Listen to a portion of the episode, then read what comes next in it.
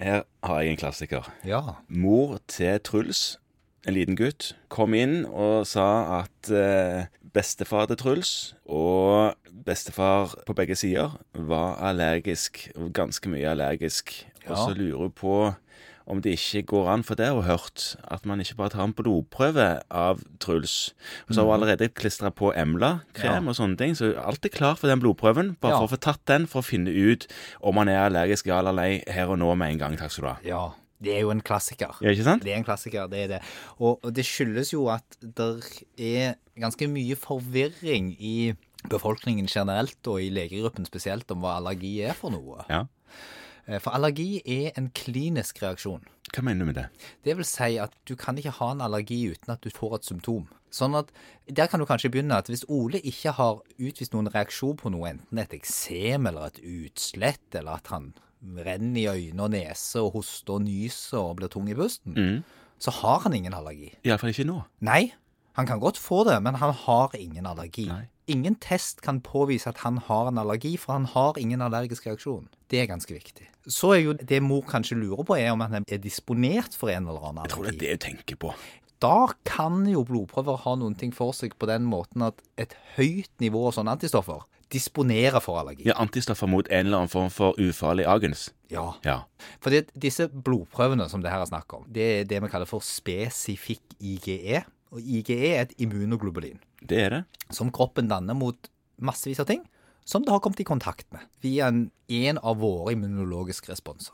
Vi har mange sånne. Vi har IGA og IGM og IGG og E. IGE. Ja, Det er de fem vi har. Og det som det sier, er at kroppen har kjent igjen noe og lagd en immunreaksjon. Ja. Kjent igjen, så man får ikke en immunreaksjon første gang man treffer på dette Ikke agensmet. nødvendigvis. Nei.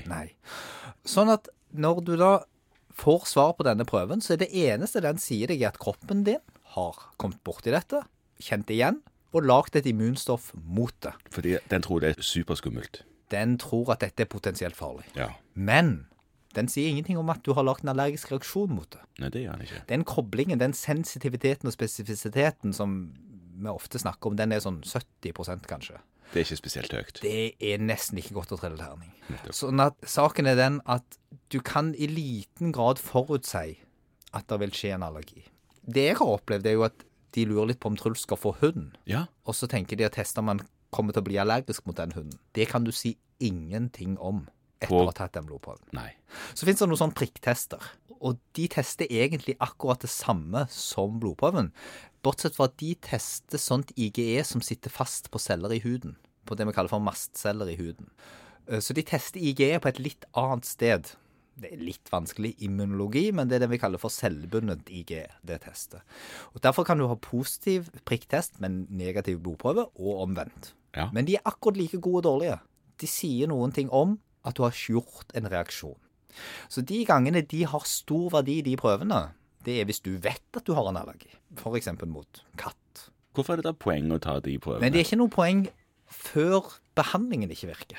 Sånn, ja. For i det øyeblikket behandlingen ikke virker For det at hvis lille Ole da kommer Vi hadde en liten Ole som kom, og han var allergisk mot katt. Og det visste jo alle, fordi at han rant i øynene og klødde i nesen og nøys og ble utrivelig hver gang han var i nærheten av en katt. Og mor ville gjerne ha prøver av lille Ole for å finne ut om han var allergisk mot katt. Og vi måtte jo da forklare mor at Men han blir jo ikke mindre allergisk mot katt om prøven er normal. Og han blir jo ikke mer allergisk mot katt om prøven slår ut. Det er helt sant. Så vi ga lille Ole medisiner, og lille Ole ble frisk. Han fikk sin nesespray, han fikk sine øyedråper, han klarte seg mye bedre i forhold til katten. Men sett at han ikke gjorde det, og sett at du hadde lyst til å henvise han til en spesialist, da er det et poeng. For det finnes noen sånn spesifikke immunterapier og sånt, der det har betydning om de er IGE-sensitivisert eller ikke. Ja. I tillegg så er det sånn at det finnes andre måter å være allergisk på enn den veien via IGE. Det er jo da, i og med at den prøven er kanskje rundt 30 av allergiene. Og da er det sånn at da har jo den prøven ingen betydning i de tilfellene. Nei. Sånn at hvis du har noen som kommer og lurer på om de er allergisk, så snakk med dem. Og hør om de reagerer allergisk. Og hvis de reagerer allergisk, så gir de allergimedisiner. Og hvis det ikke funker, så tar de tilbake igjen på kontroll, og så kan du vurdere hva du skal gjøre. Nettopp. For den beste testen på hva du er allergisk mot når det gjelder f.eks. matvarer, det pleier jo jeg å si at den testen den tar du hjemme på kjøkkenbenken. Ja, det gjør du jo. Det er et lite unntak der, og det er at barn sånn under to års alder, der er nok de prøvene mye mer presise. Fordi at det er så veldig, veldig mye oftere er en ren IGE-mediert allergi. hos de helt minste. Ja. Men igjen så er det jo sånn at den beste testen får du jo ved å kutte det ut, Nettopp. og så prøve å reintrodusere det.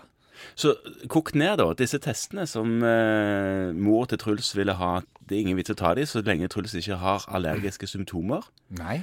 Man tar dem dersom man ikke klarer å komme i mål med en behandling, Ja.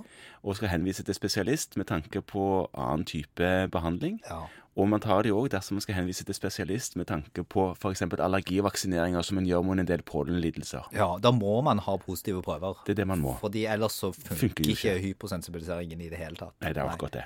Så da må man ta de. Da må man ta de. Men det er jo en betydelig mindre gruppe enn den som vi driver på og tar de på i dag. Igjen så er det sånn at det å snakke med pasientene, og det å gjøre en god klinisk undersøkelse, ta på en god anamnese, det funker best i disse tilfellene. Igjen altså er det bra å være lege. Vi er ikke helt overflødige ennå. Veldig bra. Kan bli.